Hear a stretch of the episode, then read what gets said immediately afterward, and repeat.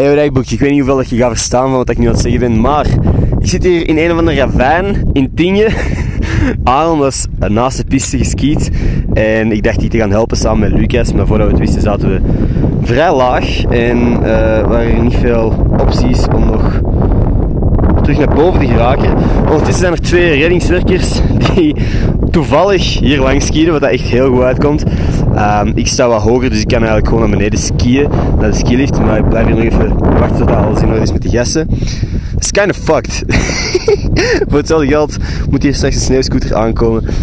Um, en, en weird is dat ik, om een of andere reden, gewoon nu al in mijn hoofd heb van, ah, dit gaat ooit echt een grappig verhaal zijn.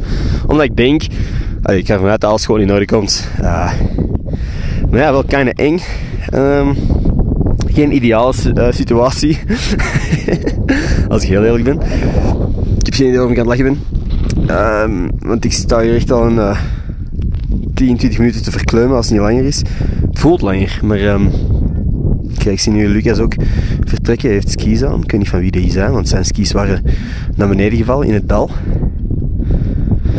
Oké, um, ik ga nu proberen weg te geraken hier. I'll let you know als alles in orde komt. Ik zal wel uh, updates op mijn story gooien. Alright, tot morgen. Tot morgen.